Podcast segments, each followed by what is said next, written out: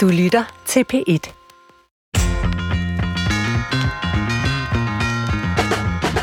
Velkommen til Brinkmanns Brix. I dag skal vi tale om børn, som ikke kommer i skole, fordi det ser ud til at være et stigende problem, og der må gemme sig nogle større problematikker bag den tendens. Christoffer Heide Højer, tilrettelægger, du har scannet nogle af overskrifterne fra aviserne. Kan du give os nogle eksempler på den her problematik fra medierne? Jamen, det er fordi, som journalist skal man altid lige vide, Hvad skriver andre hvad, journalister? hvad, der, hvad laver de andre journalister? er der overhovedet noget, der findes det her? Ja. Og det bekræfter vi så gennem andre journalister. Men der, der er mange overskrifter, og det er bare de sidste 30 dage, jeg har kigget på. Men jeg kan lige tage, tage nogle stykker. Jeg glæder mig til at blive normal igen, siger en 12-årig til Christi Dagblad. Så er der flere og flere magter ikke at komme i skole. Skolevægring koster knap 2 milliarder kroner om året i tabt arbejdsfortjeneste. I næsten to år var Lukas væk fra skolen. Jeg føler mig meget ensom. Tristan har ikke været i skole i halvandet år. Hver morgen fik jeg ondt i maven. Og hvis jeg havde udvidet den her søgning lidt, så var- kunne jeg sikkert bare være fortsat. Jeg har også valgt nogen fra endda. Og det er... Ja, i min verdensvind, der er det et nyt fænomen. Det her med, at børn ikke kommer i skole i lang tid. Ja. Er det også det for dig? Nu, nu Også i min, ja. Jeg tror ikke, du kunne have set de her overskrifter for 20 år siden.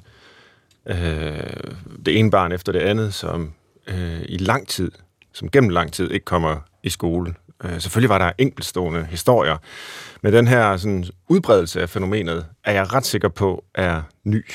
Men mm. altså, det er jo en fornemmelse. Jeg kan ikke huske fra øh, min egen skolegang, at, øh, at det her eksisteret, og det gør det i dag. Det er et problem i alle kommuner, øh, og sikkert på stort set alle skoler. Jamen, og hvor, hvor har du hørt om det hen? Altså, det er faktisk dig, der kommer og, og på det, som jeg sagde, jeg synes, det her emne er interessant. Øh, ja. hvad er det? Hvor... Jamen, jeg tror, jeg har hørt om det fra ja, måske nogle af mine kolleger, øh, psykologer, øh, både fra forskningssiden øh, og fra, fra professionssiden. Øh, altså, der er jo PPR-sektoren, der er pædagogisk psykologisk rådgivning, hvor rigtig mange psykologer arbejder blandt andet med, med det her. Øh, og det er noget, man snakker mere og mere om, og jeg læser jo aviser, øh, ligesom du gør, og kan se de her overskrifter, og så har jeg så googlet lidt også som forberedelse til i dag, og øh, det er jo så lidt afhængigt af, hvordan man definerer skoleværing. Mm, hvor sætter man tærsklen? Hvor meget skal man være væk? Hvor længe? Og i, hvilket, øh, i hvilken form? Men, men, men et eller andet sted mellem 2 og 5 procent af alle børn har ifølge undersøgelser noget, vi kunne kalde skoleværing. Og øh, jeg har ikke set sådan nogle studier, der dokumenterer udviklingen over tid, men helt anekdotisk ud fra min egen oplevelse som skolebarn for mange, mange, mange år siden, så kan jeg kun bekræfte det, du siger der. Jamen, det, det, det, var, det fandtes ikke dengang. Nå, fordi man skal vel i skole? Ja, Du, det er vel det mest umulige at, undslippe. Det er, det er det sværeste, man, det er svært at slippe ud af fængslet, skulle jeg til at sige. Altså, Ja. at, kom, at undgå at gå i skole, det, var, det fandtes ikke i min verden, Nej. i hvert fald. nej. Hvor, altså, hvor, hvor tror du den... Altså, hvad sker der? Hvad foregår der? Hvorfor kommer børnene pludselig ikke i skole? Jeg glæder mig til at, øh, at kunne svare på det om en time, fordi det, det er jo er, i mine øjne en, en gåde, simpelthen. Og det er jo derfor, vi tager det op. Det er derfor, det både er, er ja, spændende, er måske et forkert ord, fordi det er jo en virkelig ærgerlig og, mm. og trist tendens. Det er jo ikke, fordi børn ikke vil være en del af en skole, øh, en klasse, et fællesskab. Det er jo, fordi de af en eller anden grund ikke kan. Øh, og, og det skal vi jo så finde ud af, hvorfor det kan handle om om skolen, som jo er selvfølgelig, altså, øh, som jo er markant anderledes end dengang øh, du og jeg gik i den. Altså øh, flere test, flere krav, flere alt muligt, som rigtig mange folk jo taler om. Men det kan jo også måske være, fordi hjemmet er anderledes. Altså man kan faktisk godt have en hverdag derhjemme. Da jeg var 12 år, så øh, var der jo ikke noget internet. Øh, der var knap nok noget fjernsyn. Der var en og senere to kanaler. De begyndte at sende omkring klokken 17, så var det Elit Nørholm, der forklarede om relativitetsteorien eller et eller andet, ikke? men der var simpelthen ikke noget at lave derhjemme. Øh, så det kan jo også have betydning for, at det faktisk i dag er blevet muligt at, at, at fylde sin tid ud med de ting, der nu kan foregå i hjemmet. Så der er både noget, der, der afholder, øh, men der er måske også noget, der trækker øh, for, for børn, øh, altså afholder dem fra at, at kunne, kunne være i skolen, og, og også trækker øh, dem med hensyn til at, blive derhjemme. Så jeg forestiller mig, at det er en problematik med alle mulige komplekse faktorer, der virker sammen. Og det skal jeg høre om med dagens gæst. Før jeg lige øh, introducerer dig, så vil jeg øh, prøve at komme med en lille beskrivelse, som forhåbentlig indrammer problematikken. Det er bare sådan, at øh, lytterne de kan få en fornemmelse af, hvad det er for et problem, vi taler om.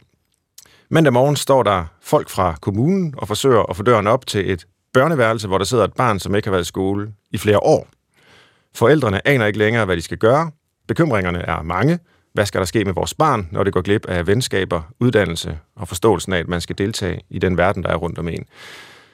Det føles måske som om barnets fremtid langsomt forsvinder. Hvordan kommer man tilbage til skolen, hvis det er det sidste sted, man vil være som barn? Maja Andersen, det øh, arbejder du med, og det skal du forsøge at hjælpe os til at finde ud af her i dag. Du har nemlig stået ved den her dør. Du er psykolog, teamleder af noget, der hedder U-Start i Hvidovre Kommune, hvor I arbejder øh, for at hjælpe de her børn tilbage i skolen. Men for nu at begynde i det helt konkrete, hvis du accepterer beskrivelsen af barnet, der sidder inde bag den der lukkede dør, og du står uden for den. Øh, hvad gør I, når I står der? Når man står der, så står man der jo ofte heller ikke alene. Der står nogle forældre ved siden af, som er i afmagt og i frustration og river sig i håret og ikke aner, hvad de skal gøre. Mm. Og der sidder også ofte et barn, som man kan sige, de har afholdt sig fra skole eller ikke kan, men der er ofte også børn, som føler sig skubbet ud af skole.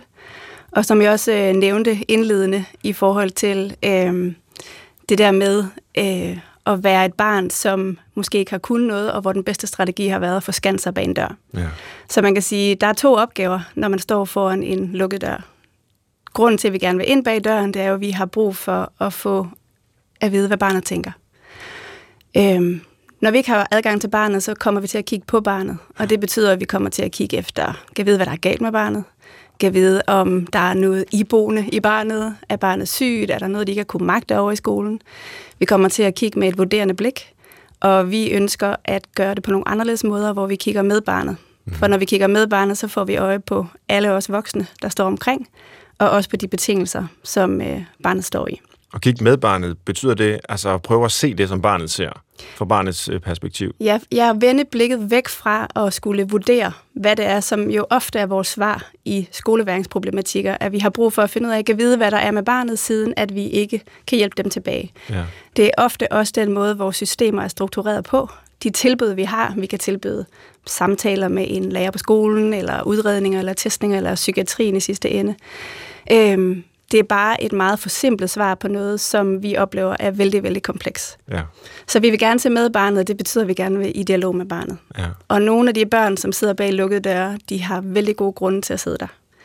De har måske oplevet øh, mange hjælpeforsøg, som ikke har virket. De har sikkert også oplevet, at de er blevet misforstået.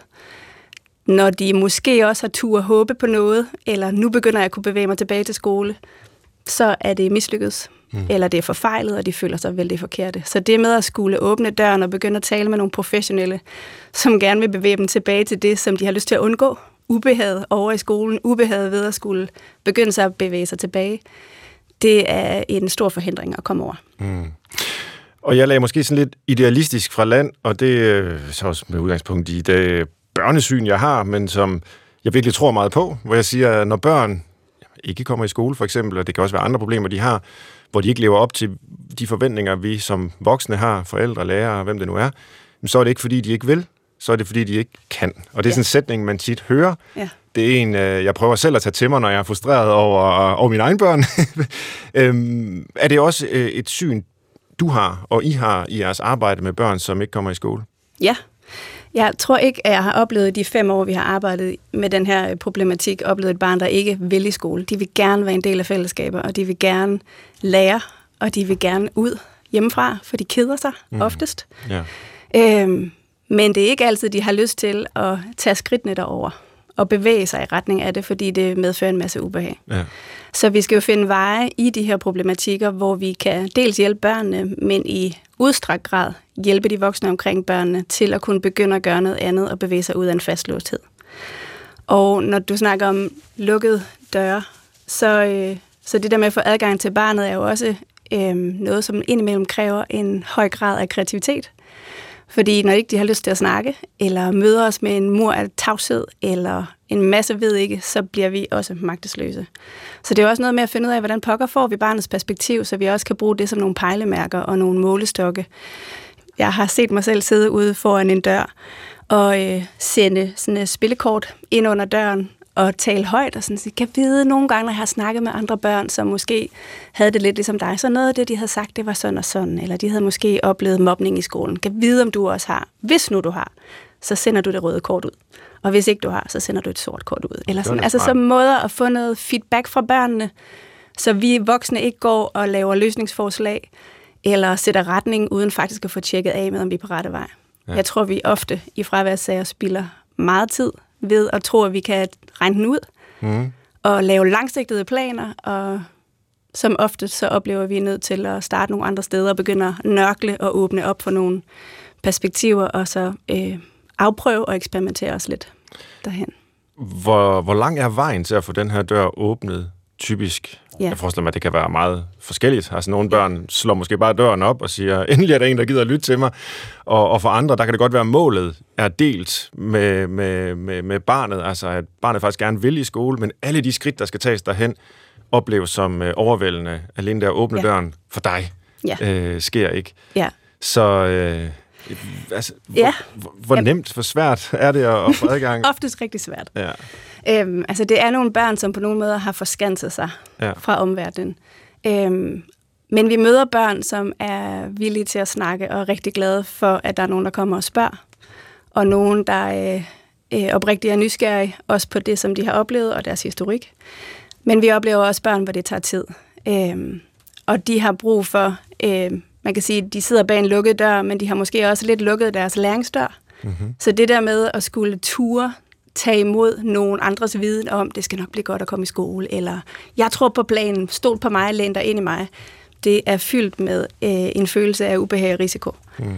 Så langt hen ad vejen skal vi, vi forsøge at lave gode relationer nødvendigvis, men vi er nødt til at kunne være voksne, som over tid og ved vedholdenhed og insisteren viser, at hey, jeg er her og jeg bliver ikke fyret, og jeg stopper ikke med at ville noget med dig. Og øh, jeg tror, at den længste tid, jeg har arbejdet på at få et barn til at åbne en dør, har været omkring tre måneder. Okay. Og øh, det vi gjorde i den øh, omkring det her barn, det var, at øh, jeg hver dag troppede op, bankede på døren. Hver dag i tre måneder? Hver dag i tre måneder. Det tog ikke ret lang tid. Det tog fem minutter. Jo, øhm, alligevel derhen. Og ja. altså. øhm, bankede på, der blev ikke åbnet. Så havde jeg øh, skrevet et kort for inden, som jeg lagde i postkassen, hvor der bare stod, hey, jeg har været her. Det er helt okay, at du ikke åbner op. Det har du gode grunde til. Jeg kommer igen i morgen. Og det gjorde vi over en uge, halvanden uges tid. Så fik jeg lov til, at mor åbnede døren, så jeg kom ind og sad i køkkenet, og barnet var oppe ovenpå på sit værelse. Og øh, så sad jeg og snakkede lidt med mor med nogle åbne døre, hvor jeg kunne fortælle lidt omkring, hvem jeg var, og så lagde jeg igen et kort og sagde, tak fordi jeg måtte komme ind i stuen. Jeg kommer igen i morgen. Og det tog tre måneder, så begyndte barnet at sige, hvem er hende der, der kommer mm. og snakker med dig? Hvem er det egentlig, der sidder dernede? Så der begyndte at være en spirende nysgerrighed. Og mor kunne fortælle lidt omkring, hvad har vi egentlig siddet og snakket om? Og mig, hun kom, og hun sidder og gætter på, sådan, kan vide, om det er sådan og sådan der for dig. Mm. Og efter tre måneder, så øh, sad pigen, som var 14 år, hun sad nede ved køkkenbordet, da jeg kom. Ja. Og det er langvejt, og det er øh, vedholdenhed, men det er også noget af det, ikke? det er også ressourcekrævende. Men det er noget af det, der betaler sig. Og så lykkes det her. Og nu er det jo ikke fordi, jeg ønsker ikke at lyde øh, ufølsom, og, og, og jeg kan sagtens sætte mig ind i den problematik, kender selv til den osv., men man kunne jo også sige, jamen er det overhovedet barnet, der skal have lov at bestemme, hvem der kommer ind ad døren til øh, det her hus eller den her lejlighed. Ja. Øh, det er vel forældrene. Øh, men det lød som om barnet ligesom blokeret for, at, at, at moren, som du fortalte om, overhovedet fik lov at, at byde dig ind. Ja. Øh, skal barnet have lov til og bare sidde på sit værelse? Er det ikke de voksne, der har ansvar for, at den dør også til værelset faktisk bliver åbnet, og nu er der en professionel, det er dig, der er kommet for at besøge med henblik på at hjælpe? Altså, bliver der ikke lagt for meget... Øh, kunne, kunne, kunne man ikke sige, at det var en del af problemet, at der bliver lagt for meget vægt på barnets ønsker? Er det ikke nogle gange den voksnes opgave, sådan helt paternalistisk, gå ind og sige, jeg ved bedre end dig, hvad der er godt for dig, jo. og nu sætter vi noget i værk? Jo. Det er jeg langt hen ad vejen enig med dig i. Øh, udfordringen kommer dels i, at når vi kommer ind i nogle af de her sager, hvor tingene er blevet vældig fastlåste, så er det forældre, der også er i afmagt. De har prøvet at stå og være øh, faste i kødet og, øh, og bedt barnet om at gøre nogle ting, og barnet siger nej tak. ja. eller øh, bryder sammen. Så det er også nogle forældre, der har stået og med en opgave i forhold til nogle børn, så hver gang de skubber på, så oplever de, at mistrivselen stiger. Mm. Så de mm. bliver vældig meget i tvivl om, hvad de egentlig skal gøre. Ja. Og de bliver også i tvivl om, om, hvad deres opgave er. Er det min opgave, eller skal jeg passe på mit barn? Ja. Og, øh, og det er jo også noget af det, man ser, in, altså et af de begreber, som er omkring skoleværing, det er også skoletilbageholdelse. Vi ser i stigende grad forældre, som har en oplevelse af, at jeg har brug for at passe på mit barn, så jeg holder dig hjemme i dag, fordi det at komme i skolen, det er faktisk for udfordrende for dig. Mm. Men, øh, men man kan sige, jo, langt hen ad vejen er det, men noget af det, som vi nogle gange misser i skolefraværsindsatser, øh, det er, at der er en form for asynkronitet i det. Altså når vi lægger mærke til, at barnet er væk, fordi stolen bliver tom over i klassen, eller statistikkerne fortæller os det med røde tal, så har forældrene allerede stået i den her problematik med måske konflikter om morgenen, eller børn, der ikke kan falde i søvn om aftenen, i mange, mange måneder. Så forældrene er slidte. Så vi inviterer også tit forældre til at skulle gøre ret meget mm. i situationer, hvor de løber tør for kræfter og ikke aner deres levende råd. Nu beskrev du situationen her med den 14-årige pige, som ja. du så efter tre måneder endelig fik ja. øh, adgang til.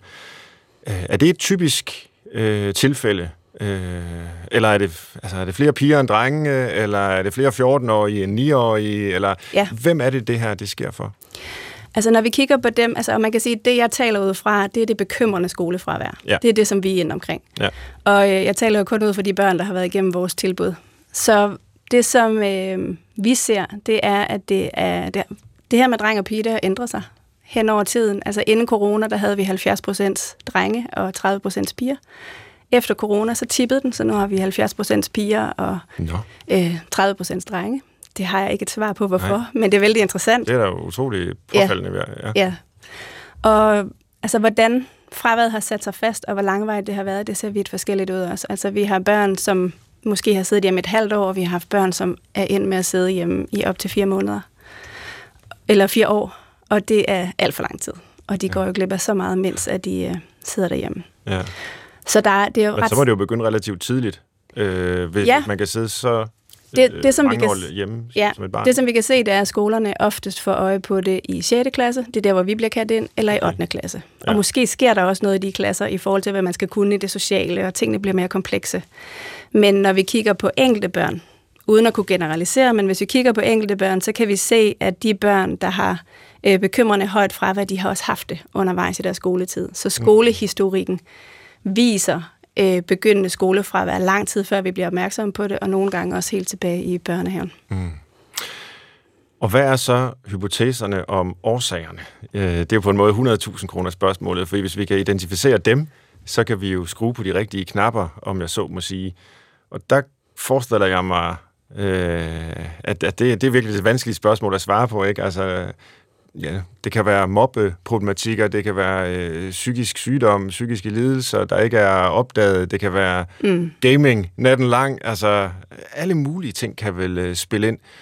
Så hvad, hvad, hvad regner I med, øh, ud fra jeres erfaring af, af årsagerne? Ja, men jeg vil være ganske rig, hvis jeg også kunne svare på det, Svend. Ja, nu får du mulighed. ja.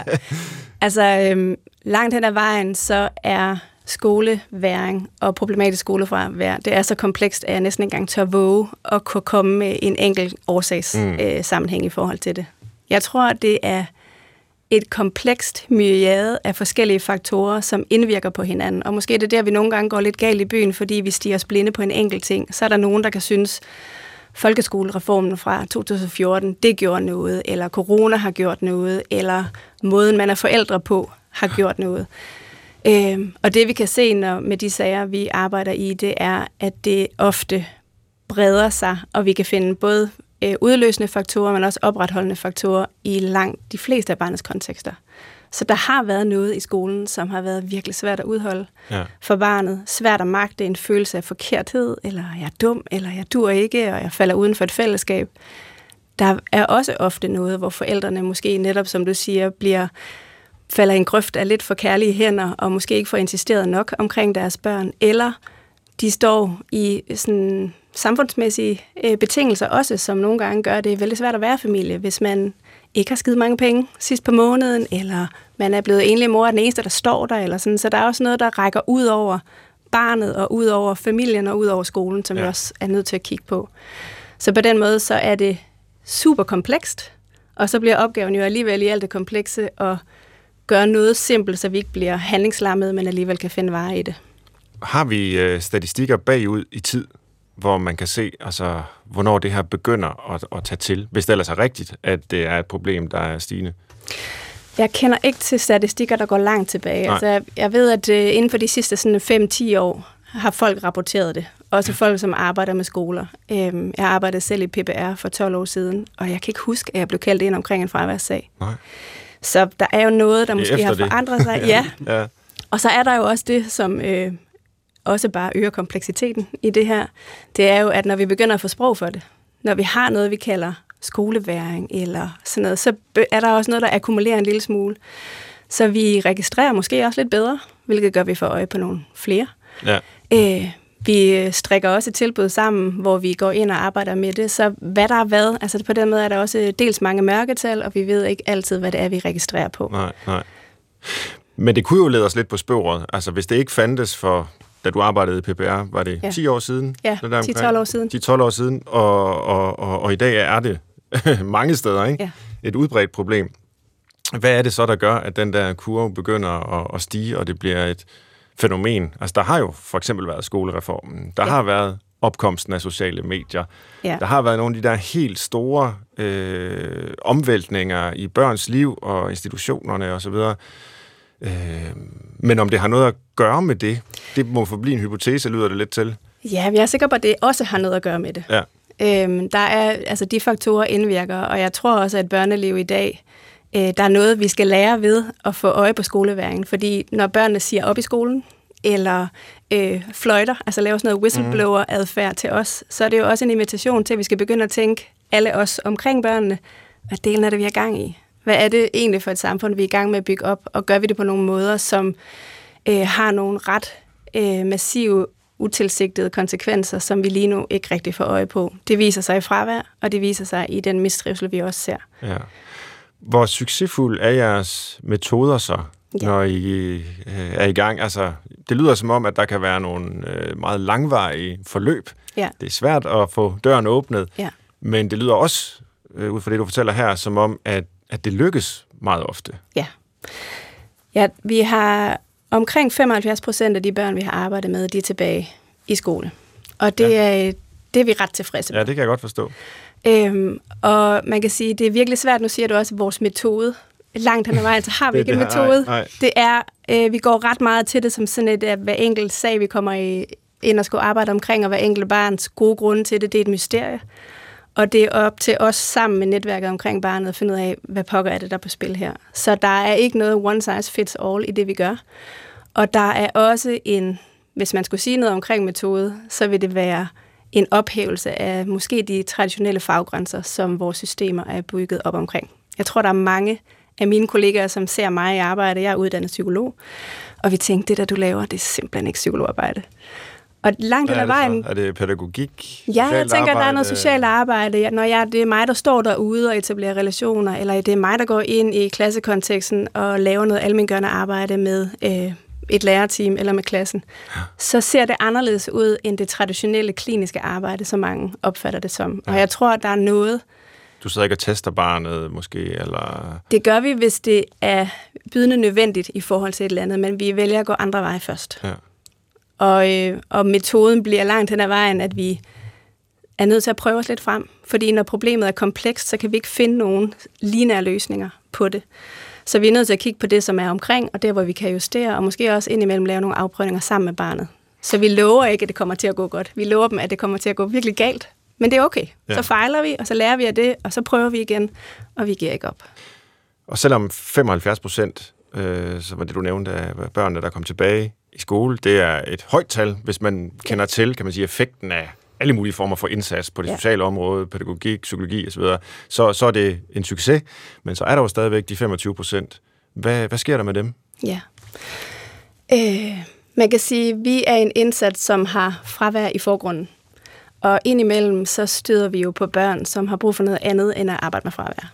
Hvor bekymringen for barnet er for høj, og øh, der skal gøres noget andet, og så leverer vi det videre til nogle andre. Og det vil jo i vores statistikker øh, ligne, at vi ikke får nedbragt fraværet.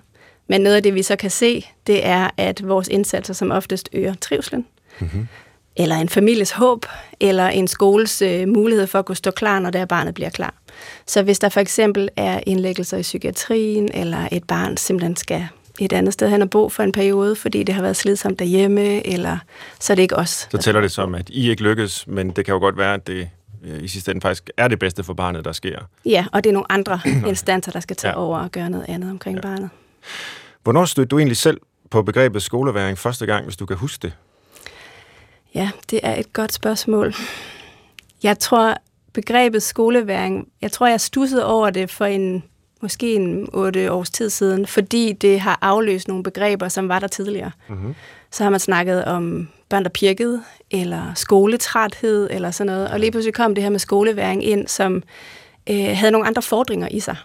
Og alt afhængig af, hvad vi kalder det, når børnene de siger op i skolen, eller værger sig mod skolen, så øh, guider det også det, vi kommer til at gøre. Altså pjek, det lyder som om børn ikke gider. Ja. Øhm, og nu nævnte jeg skoletilbageholdelse før, det lyder som forældre, som sådan skærmer og beskytter. Og skoleværing har langt hen ad vejen også nogle, et, altså et ret stærkt blik på individet, altså barnet, der væver sig imod noget. Og så kan man kigge på enten, hvorfor barnet ikke kan håndtere det, de står i, eller kigge på omgivelserne i forhold til, hvad pokker det egentlig, der er svært at stå i. Mm. Så jeg tror, det er omkring en 10 år siden, jeg blev opmærksom på det.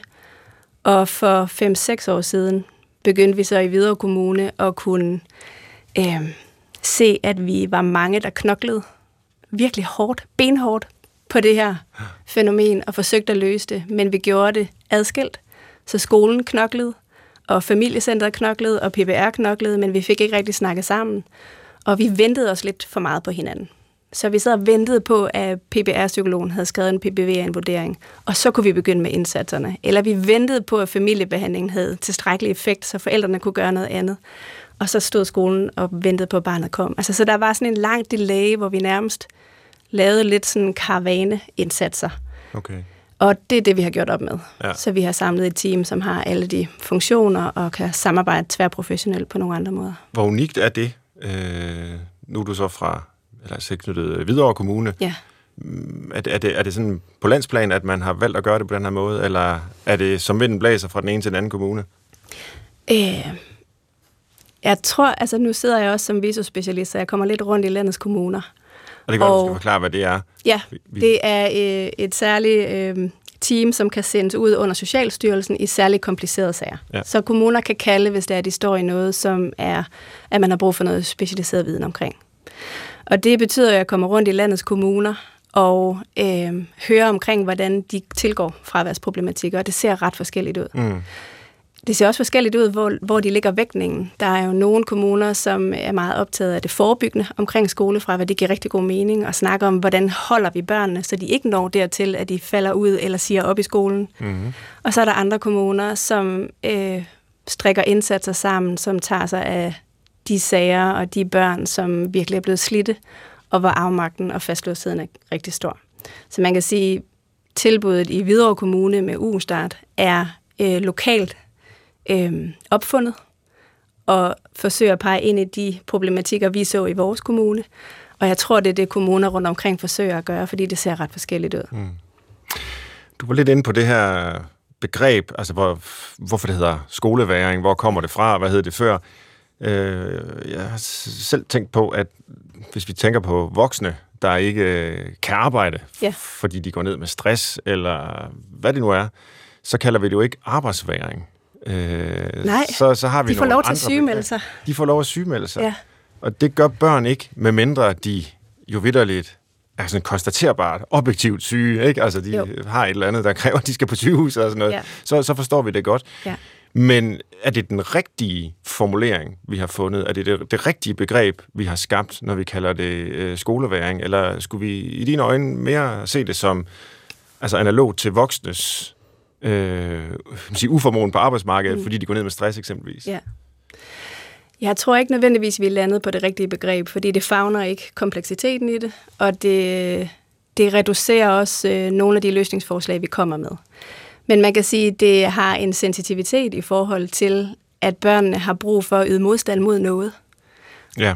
Ligesom man også Man øh, kan opleve, ja, man værer sig mod noget. Så, Ja. så det der med sådan at få kigget på, ligesom man kigger på et arbejdsmiljø, så skal vi jo også kigge på børnenes arbejdsmiljø. Så ja. der er en stor fordring i begrebet, synes jeg, med at kigge også i omgivelserne. Men jeg tror, det vil være et begreb, der kommer til at forandre sig undervejs også. Vi, øh, vi skifter også lidt mellem at tænke, om vi skal kalde det skoleværing, eller om vi bare skal kalde det problematisk fravær, fordi det bliver et problem.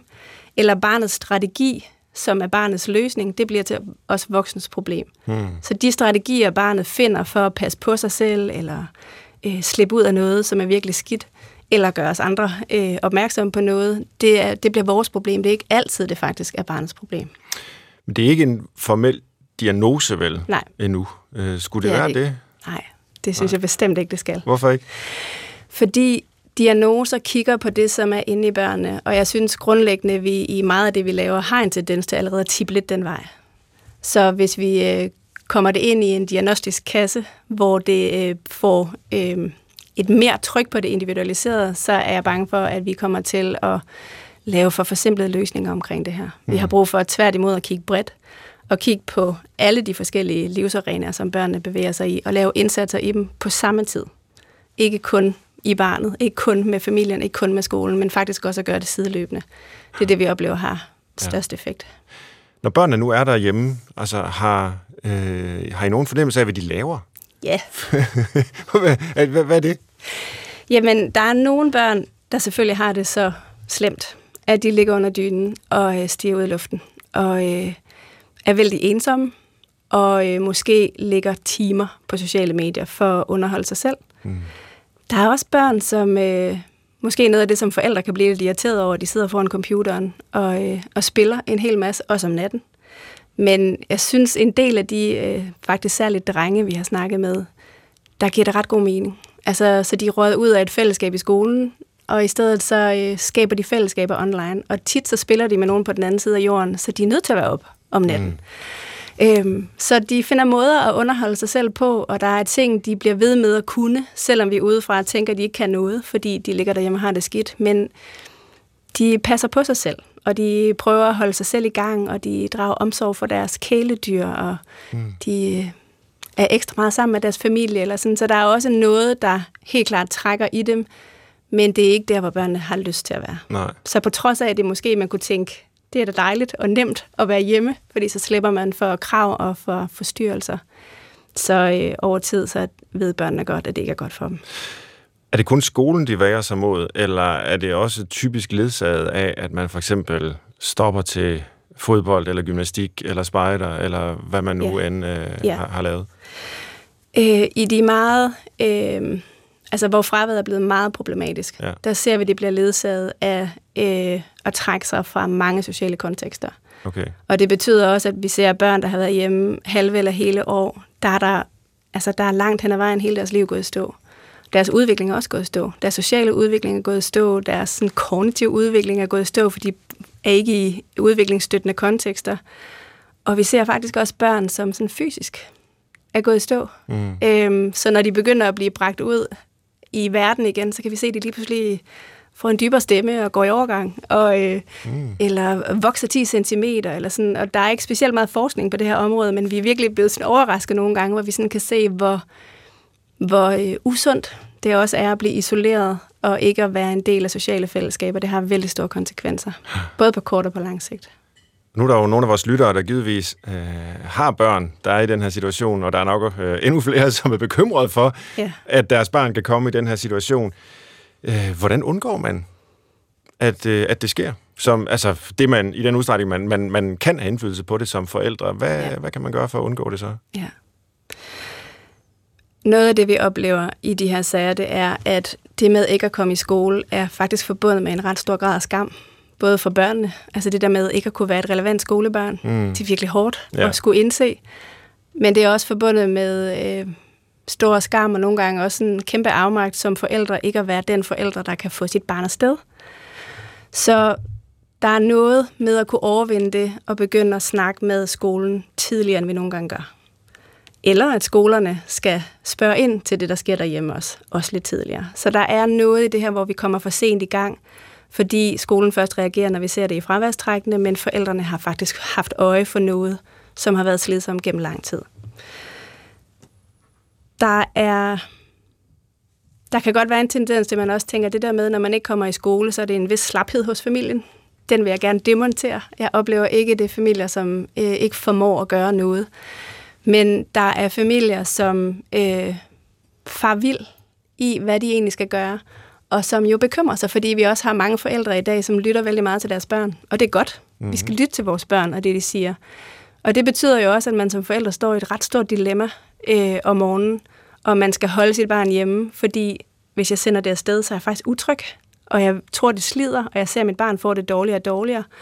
Eller om jeg skal være den, der er vedholdende og blive ved med at insistere på, hvorfor skole er en god idé, hvorfor det er, at du skal over og være sammen med nogle andre.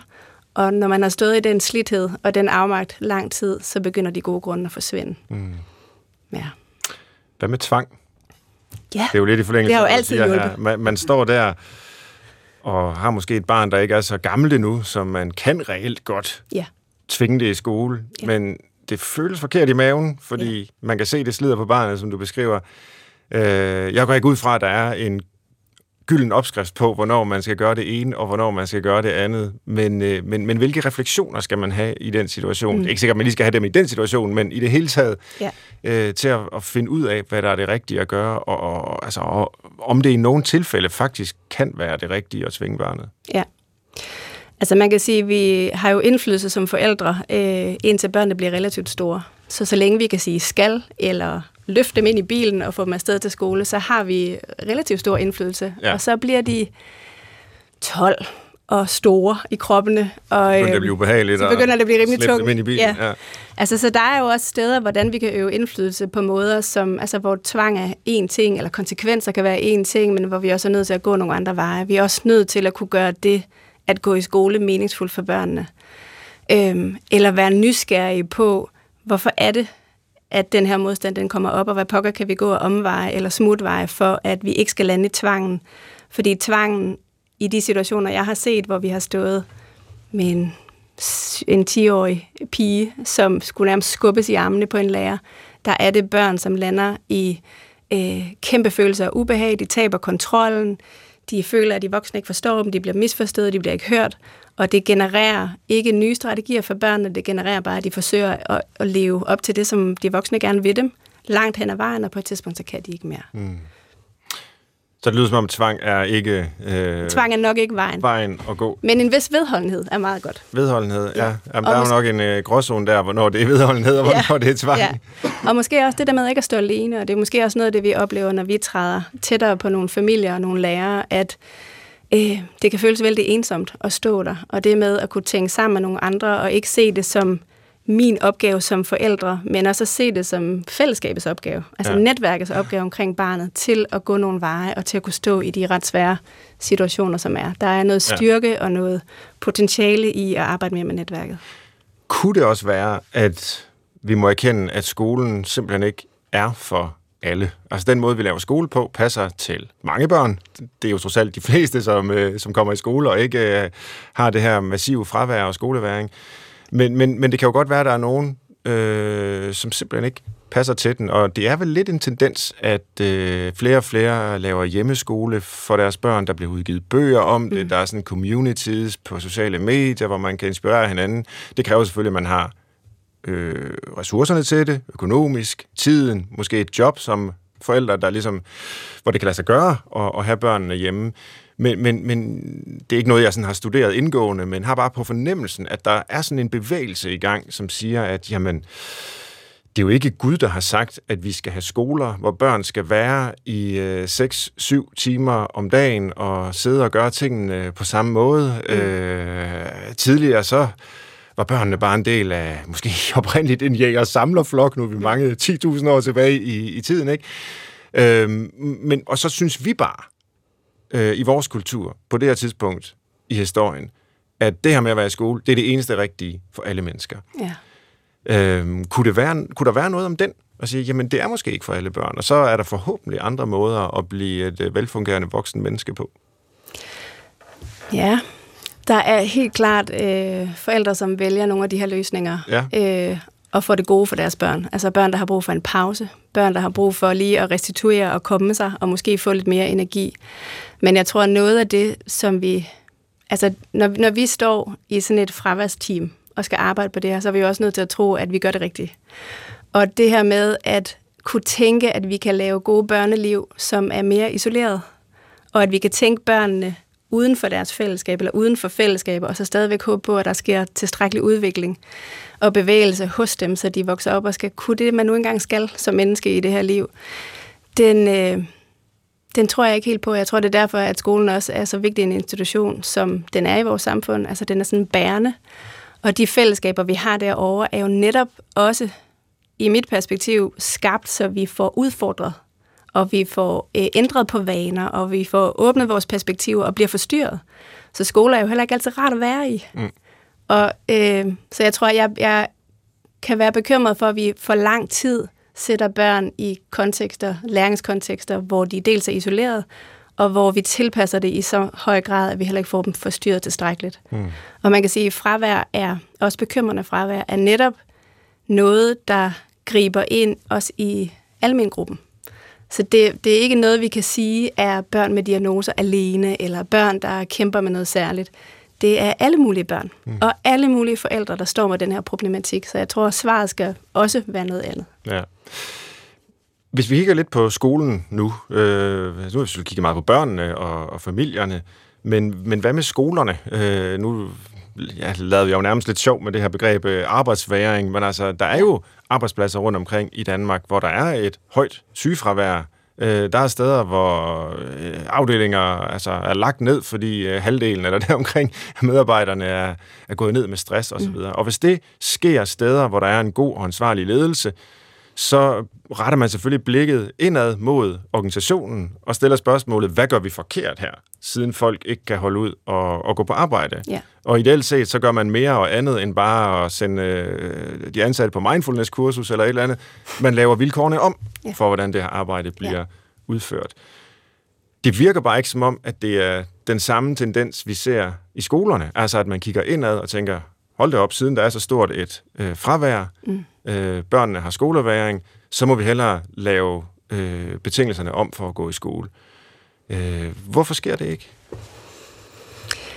Jeg synes... Og det gør det måske også. Det kan være, um, det er længe siden, jeg har haft øh, børn, i hvert fald i de mindre klasser. Ja. Jeg synes langt hen ad vejen, at skolerne bestræber sig på at imødekomme den her problematik, ja. og også lytte både ja. til børn og forældre. Mm. Øhm, men at forstå det og kunne anerkende det er heller ikke altid noget, der sådan sætter aftryk i praksis. Og vi kan se, at det med at have et fraværende børn, man kan jo godt tænke, at det kun er barnet, det går ud over, når der, når der er en tom stol i klasselokalet. Men vi kan se, at lærerne ofte går rundt og øh, har det skidt med, at de ikke kan række tilstrækkeligt ud, eller gøre noget, eller skabe ro og øh, færre afbrydelser i klasserummet, så måske er noget af det, nogle af børnene særligt øh, udpeger som det, som er svært ved at være i skole. Øh, og vi kan faktisk også se, at de børn, som sidder tilbage i klasserummet og kigger på deres kammerats tomme skole, det har også ret store effekter for dem. Ja. Det er ret tit, de ikke får at vide, hvorfor at øh, deres kammerat ikke er til stede. Og nogle børn i klassen kunne også gå rundt og sådan tænke, jeg vide, om det var fordi, jeg fik sagt det der sidste torsdag, og så blev han hjemme dagen efter. Eller. Ja. Så der er jo mange effekter af ting, som foregår over i skolen, og der er ikke nogen tvivl om, at det, som er der, også peger ind i forhold til øh, årsagssammenhænge omkring øh, skolefravær. Mm. Øhm, men jeg synes, skolerne i langt højere grad øh, søger at påtage sig det ansvar, som også er deres. Som en del af det. Altså forældrene har et ansvar, barnet skal også kunne noget og have lyst til at bevæge sig i retning af noget, og skolen skal kunne gøre noget andet. Så jeg ser egentlig ikke skoler, der ikke gør noget, men det kan være svært at finde vej i, hvordan man skal gøre det, og også på nogle måder, hvor de ikke kun skal ind og arbejde omkring det barn, der er fraværende, men faktisk også tage sig af hele klassen, som er jo det fællesskab, barnet skal tilbage til. Og når du arbejder med den her problematik, øh, ja så, vi begyndte med, at du stod uden for døren og skulle have adgang til barnet og, og se verden med barnet, fra barnets perspektiv, ja. for at forstå, hvad der var, var fat. Øh, jamen, så er det jo barnet, det er familien, men hvilken relation har du øh, til skolen i, i dit arbejde her? Ja. Jeg laver ikke indsatser omkring børnene uden også på en eller anden måde at have skolen med. Så hvis barnet er fuldt øh, hjemme og slet ikke kommer i skolen, så har vi stadigvæk samtaler med lærerne, fordi de skal tage imod barnet på et tidspunkt, eller måske skal de række en lille smule ud.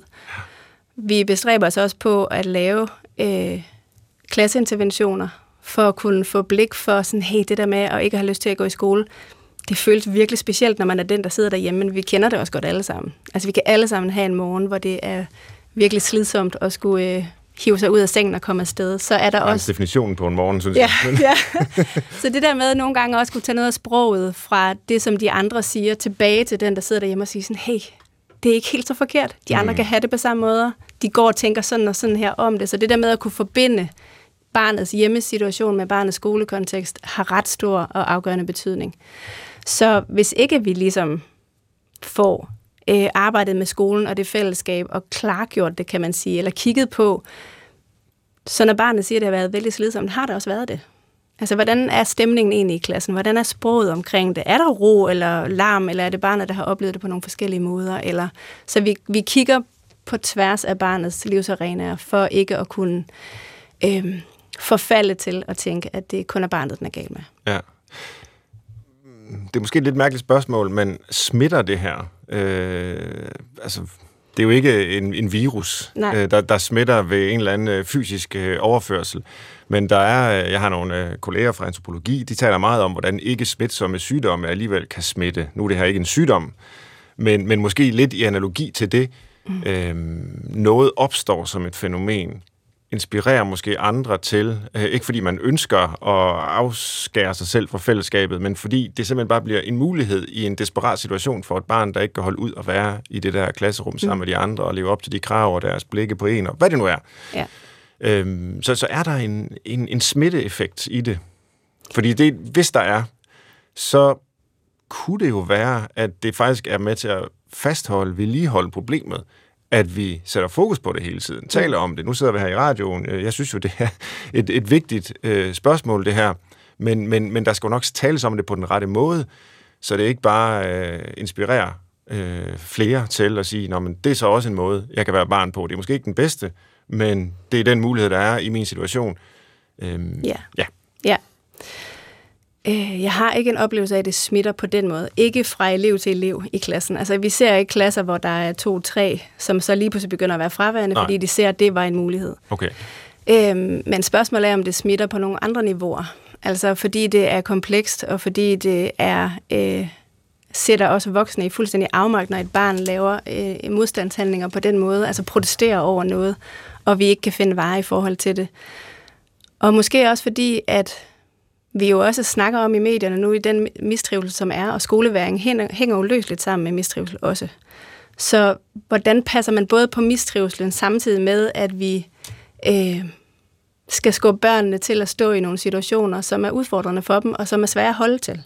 Så vi står hele tiden i nogle balancefelter, hvor jeg tror, øh, hvis det skulle smitte, så tror jeg, det er også voksnes tilgang til det, som kan potentielt komme til at øge øh, mulighederne for det. Ja. Og vok- altså forældre skal jo også lytte til deres børn. Ja. Altså så hvis man siger, hvis en forælder siger, skal jeg holde mit barn hjemme, de har det helvede til, så er jeg jo tilbøjelig til at sige, ja, det er du nødt til, jeg vil også selv lytte til mine egne børn. Og samtidig er der den anden fordring om, at vi ved, det er godt for børnene at skulle være en del af noget, der er større end dem selv. Og det er jo hele den her udsendelses djævelske dilemma, altså, ja. som, øh, som der vel ikke er nogen løsning på. Der er ikke nogen generel løsning, men jeg synes, vi finder løsninger, Ja. øh, hvis det er, at vi går til det med den øh, grad af nysgerrighed og ser det som et mysterie og tager kompleksiteten med ind i vores løsningsforslag. Ja. Hvis det er, vi ikke lykkes med det, så, øh, så kommer vi på vildveje. Og det er så det, du gør. Ja, nej, undskyld, men det er fint, for jeg lige lyst til at spørge noget, fordi jeg, nu kommer jeg til at læse på de her overskrifter igen. og så sad jeg bare og tænkte, hvorfor er det, hvorfor interviewede man ikke et barn, der var kommet tilbage i skole? Ja. Hvordan det var.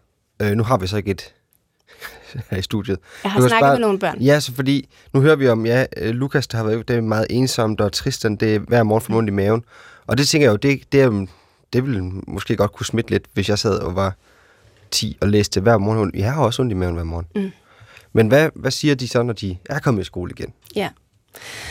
De børn, som vi har snakket med, også for at høre om, hvordan det var at være i samarbejde med os og blive skubbet på den måde, er, når først de er kommet tilbage, kan de se, at det har givet god mening. Men de siger også, at noget af det, som måske, altså når de tidligere stod op med ondt i maven, så var det øh, et udtryk, altså en måde også at kunne få folk til at lytte på sig selv.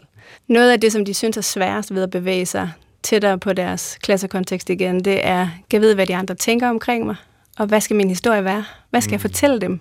Mm. Og det er noget af det, de har brug for hjælp til. Altså, så hvad vil være, hvad må vi sige? Og hvad skal historien være, så du ikke kommer til at blive fanget ude øh, på gangen i frikvarteret, og hvor folk siger, hvorfor har du ikke været her? Eller hvem er du? Så har barnet brug for at have nogle svar Børn kan på redde altså være hånd. altså, Ja, men det er udfordrende at stå i det sociale. Ja. Og det er vi nødt til at kunne hjælpe dem til, fordi de har ikke heller altid selv en samling historie og en forståelse for, hvorfor var det egentlig, jeg ikke kunne i det sidste år. Og vi er nødt til at kunne hjælpe dem til at kunne have nogle redde svar på hånden, så de ikke igen skal stå i situationer, hvor de føler sig forkerte eller misforstået. Hvad er den gode historie at fortælle for et barn i sådan en situation? Det er ret forskelligt. Øh, Jeg har arbejdet med en pige, som havde været hjemme med øh, noget depression i et stykke tid, og hun havde ikke lyst til, at folk skulle høre øh, den lidelse, der havde været i det. Nej. Så der blev øh, sætninger sådan trænet op, inden hun skulle bevæge sig tilbage, hvor hun kunne sige, jeg har haft det skidt, og jeg har savnet jer, men det har ikke været muligt for mig at komme, men nu er jeg her. Nå. Og så kunne hun lukke den med det. Ja. Og det var tilstrækkeligt langt hen ad vejen. Og så fik jo hun jo, da hun så fik mødt nogle veninder og fik øh, koblet sig lidt på fællesskabet igen, blev det muligt at fortælle en bredere historie. Men det var den lille historie, hun havde at holde sig til i starten. Ja. Og bare lige for, at journalisten kan lukke ja. den helt af. Hvis jeg nu skulle have rubrikken, overskriften, i til den modsatte historie, end øh, jeg har været ensom, hvad er så, så su- succesfortællingen, når de har været der et år eller to i, tilbage, og, og det kører? Dem, har, eller har I overhovedet snakket med dem? Uh, ja, jeg har snakket med en dreng, som han, hans udfordring, fortalte han, det var, at han havde syntes, at skolen var fuldstændig meningsløs. Den var kedelig, han havde kedelige fag, hvorfor skulle han overhovedet komme der? Og det han gjorde, da han kom tilbage til skolen, det var, at han gik rundt og interviewede lærere og skoleledere og sagde sådan, hey, hvordan, øh, hvorfor skal man egentlig gå i skole? Og hvad er alle de her ting? Så han endte med faktisk at være en af dem, som jo også får sprog til at kunne holde fast i, det her det er faktisk vigtigt, og det var jer, jeg glædede mig til at komme tilbage til kammerater, eller sådan, så jeg tror, det med at være landet i nogle fællesskaber, ikke nødvendigvis fokus på dansk og matematik, det hører jeg sjældent, men at være kommet tilbage til venskaber, til at kunne grine noget mere, til at komme væk fra sine forældre, øh, og få noget mere indhold, det kan børnene faktisk godt sætte Han bliver en god journalist, ham drengen der. Ja, rundt han bliver en rigtig god journalist. Han er Hvad er det egentlig, skolen er til for? Ja, Jeg kan blive praktikant her. Ja. ja. Jeg synes, det er meget opløftende at høre om, om dit og jeres arbejde med, med de her børn, men jeg sidder stadigvæk med fornemmelsen af, altså, hvad, hvad skal vi andre gøre? Ja. Øh, Hvad skal samfundet gøre? Hvad skal magthaverne gøre, som kan påvirke øh, vores institutioner? Skal der flere ressourcer til folkeskolerne? Skal det laves om? Skal der være mere kortere skoledage? Hvad kan forældre gøre øh, for at tage det i opløbet, for ikke at overbekymre sig, for at der ikke bliver selvopfyldende profetier osv.? Ja. Øh, så øh, meget, meget vigtigt, at I findes og kan hjælpe, når problemet er blevet alvorligt. Men, øh, men hvad, kan, ja, hvordan undgår vi, at det bliver det? Ja. Altså det korte svar fra mine erfaringer på det her område, det er, at vi skal snakke sammen langt hurtigere end det, vi gør. Og vi skal snakke sammen om de små tegn og mønstre, vi får øje på i børnenes fremtrædelsesformer. Altså, hvordan ser det der fravær ud? Er det altid hver fredag, fordi der er skiftedag mellem mor og far?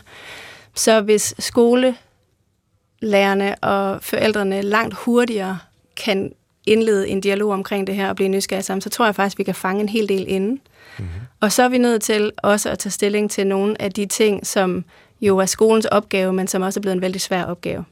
Fordi fraværsproblematikker falder jo også tit imellem to stole. Så hvis opgave er det egentlig, når barnet er derhjemme? Er det forældrenes, eller er det skolens? Og det synes jeg faktisk er en problemstilling, vi er nødt til at begynde at snakke mere om.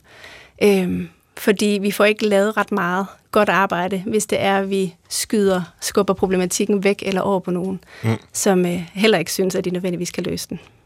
Men skolen kan vel ikke gøre så meget, når barnet ikke kommer i skole? Altså har skolen, så det kan godt være, at det har en eller anden juridisk, et, et juridisk ansvar øh, på, på en eller anden måde, mm. men, men det er jo forældrene, der har kontakten. Det er forældrene, der har kontakten, men vi oplever, at indimellem bare det at få et opkald om morgenen fra en lærer, som mm. siger, hey, vi savner dig, du skal komme tilbage i dag, jeg venter udenfor kl. 8. Små initiativer, hvor man rækker hånden ud, kan være meget gavnlige. Øhm, og det med at også kunne være med som en medspiller, når det er, der skal laves afprøvninger. Så hvis barnet har været væk i noget tid, og begynder at prøve at bevæge sig tilbage til skolen, der er der brug for øh, en ret høj grad af koordinering, og der er brug for en høj grad af dialog omkring, hvordan gør vi egentlig det her? Hvad håber vi på? Hvad bliver effekterne? Hvor træt var barnet, da du så kom hjem igen? Så skolen har brug for feedback fra forældrene, men forældrene har brug for feedback fra skolen i forhold til, hvordan gik det så? Fordi jeg var helt vildt nervøs over at skulle aflevere mit barn her til morgen. Mm. Så der er, der er masser, som skolerne kan gøre, også ved at kigge ind i klasserummet, også ved at kigge på elevsammensætningen, også ved at kigge på kulturen på skolerne. Øhm, så, men, men det er noget lokalt, der også skal kigges på. Jeg tror, at det, for mig at se, så er det svært at sige noget generelt. Ja.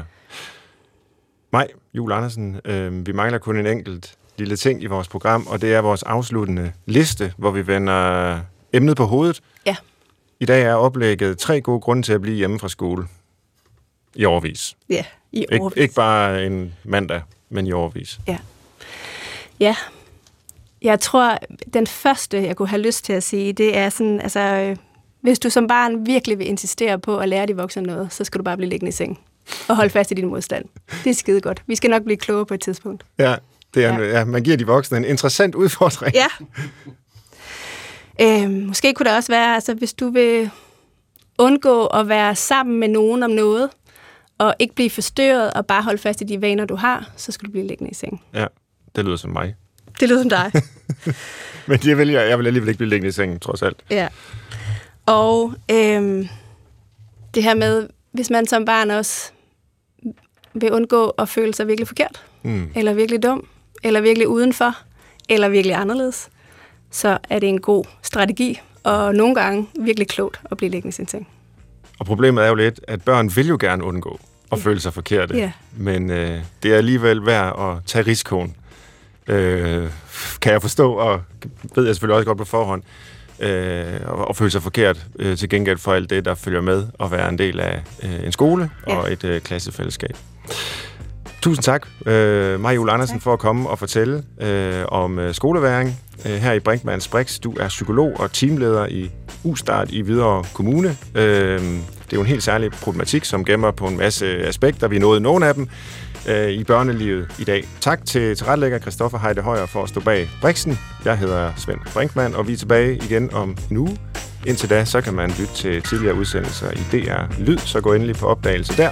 Og ellers håber jeg, vi høres ved i næste uge. Tak for i dag.